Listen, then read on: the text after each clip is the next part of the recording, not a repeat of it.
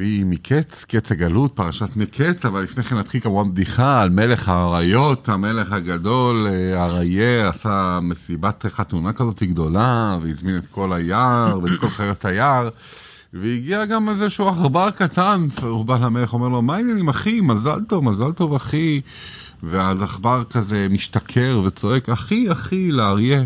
אז האריה מאוד מתעצבן לו, הוא תופס אותו כזה, אומר לו, תגיד לי, מי, מי אתה חושב את עצמך שאתה קורא לי ככה, אחי, אחי? אתה כולה עכבר קטן, אני אריה גדול. אז העכבר אומר לו, אל תדאג, גם אני לפני החתונה הייתי אריה גדול. עכשיו אני עכבר קטן. אה, ברוכים, שלום וברוכים הבאים לעוד פרק של זריקת חסידות, אנחנו לומדים היום אה, משיחות, אה, משיחת הרבי כמובן. אה, אנחנו נגיד שום דבר מעצמנו, אנחנו נקרא מה שכתוב בפנים, השיעור לזכות אה, All Mag Children, רשת גני ילדים בניו יורק. שלום לך הרב יוסף סגל. שלום וברכה, הרב צבי סידון. אז בואו נפ ישר לעניינים, לשיחת כן. הרבי, על, הפ... על, ה... על מה אנחנו הולכים לדבר? על הפסוק, תחילת הפרשה, ויהי מקץ שנתיים ימים ופרעה חולם, והנה עומד על היאור חלומות פרעה, שאנחנו מכירים מתחילת הפרשה. הרבי היום הולך להתעכב על העניין של מקץ, הלשון מקץ. בעצם במקץ, כמו שנראה, יש שתי פירושים. מקץ זה גם סוף וגם התחלה. אז בואו נקרא בפנים. ויהי מקץ שנתיים ימים, שבזה בית פירושים. א', מקץ מלשון סוף. סוף של מה? סוף השנתיים ימים שהיו לפני זה בסוף פרשת וישב. כן, יוסף, סוף הגלות, שיוסף בבית האסורים.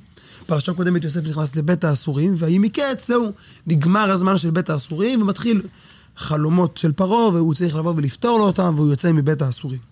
ופירוש שני מקץ, מלשון התחלה, התחלת השנתיים ימים. בעצם, הפירוש שאנחנו כולנו מכירים מלשון סוף, זה גם מה שרש"י מסביר, אבל האי בן עזרא, רבי אברהם בן עזרא על הפסוק, אחד ממפרשי התורה, מסביר מקץ התחלה. למה זה התחלה?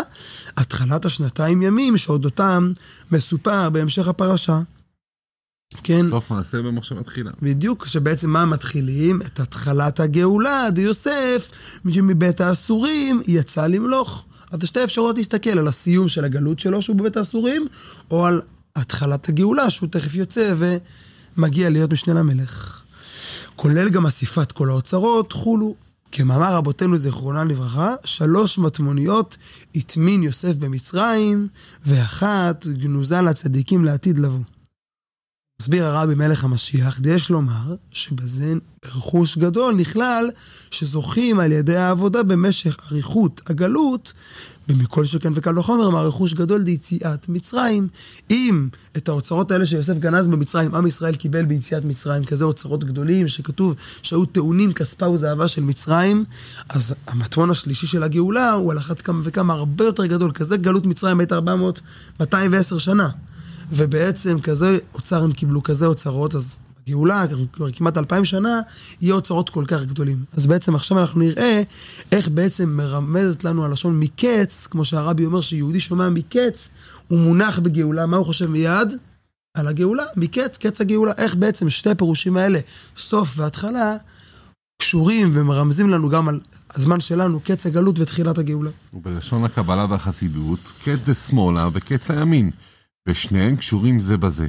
כי על ידי, על ידי בירור והעלאת ניצוצות הקדושה שנמצאים בקץ דשמאלה נעשה קץ הגלות. קץ שם לחושך, ובאים לקץ הימין. שמאל, תמיד בלשון הקבלה, הרבה פעמים, מה שנקרא, מה יד ימין מקרבת ושמאל מרחיקה. השמאל זה טיפה, ולכן אנחנו מתחילים הכל ברגל ימין, כמו שאומרים, אנחנו נועלים קודם כל כן. את רגל ימין וכו'. כי הימין זה יותר חסד ויותר טוב, והשמאל הוא יותר אה, גבורות. אז קץ שמאל מראה על סיום הגבורה, על סיום הגלות. זה מלשון מקץ, מלשון סוף. נכון. וקץ הימין זה לא הסיום של הימין, זה ההתחלה של הימין, התחלת הגאולה. בדיוק. אז קץ דה שמאלה בזאת, תמיד בקבלה, בחסידות זה סוף הגלות. קץ הימין זה תחילת הגאולה. ויש לומר, ממשיך הרבי שעניין זה מרומז גם ביינה של תורה שבפירוש רש"י. כידוע שרש"י בפירושו רמז הרבה הרבה דברים עמוקים.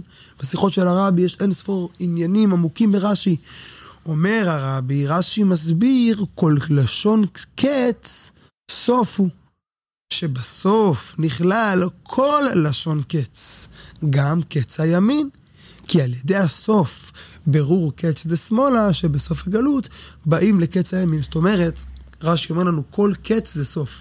בעצם בכל סוף נרמזת גם התחלה.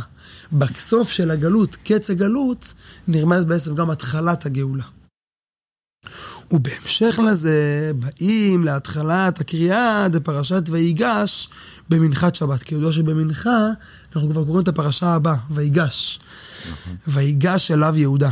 כמבואר בדרושי חסידות, שהגשת יוסף, הגשת יהודה ליוסף, כן, ויוסף ליהודה, הוא עניין שמיכת גאולה, עניינו של יוסף, לתפילה, עניינו של יהודה. יוסף מבטא את הגאולה, כן, הוא היה משנה למלך, הוא עזר להם להיגאל, ויהודה זה מלשון הודאה, מלשון תפילה, ביטול.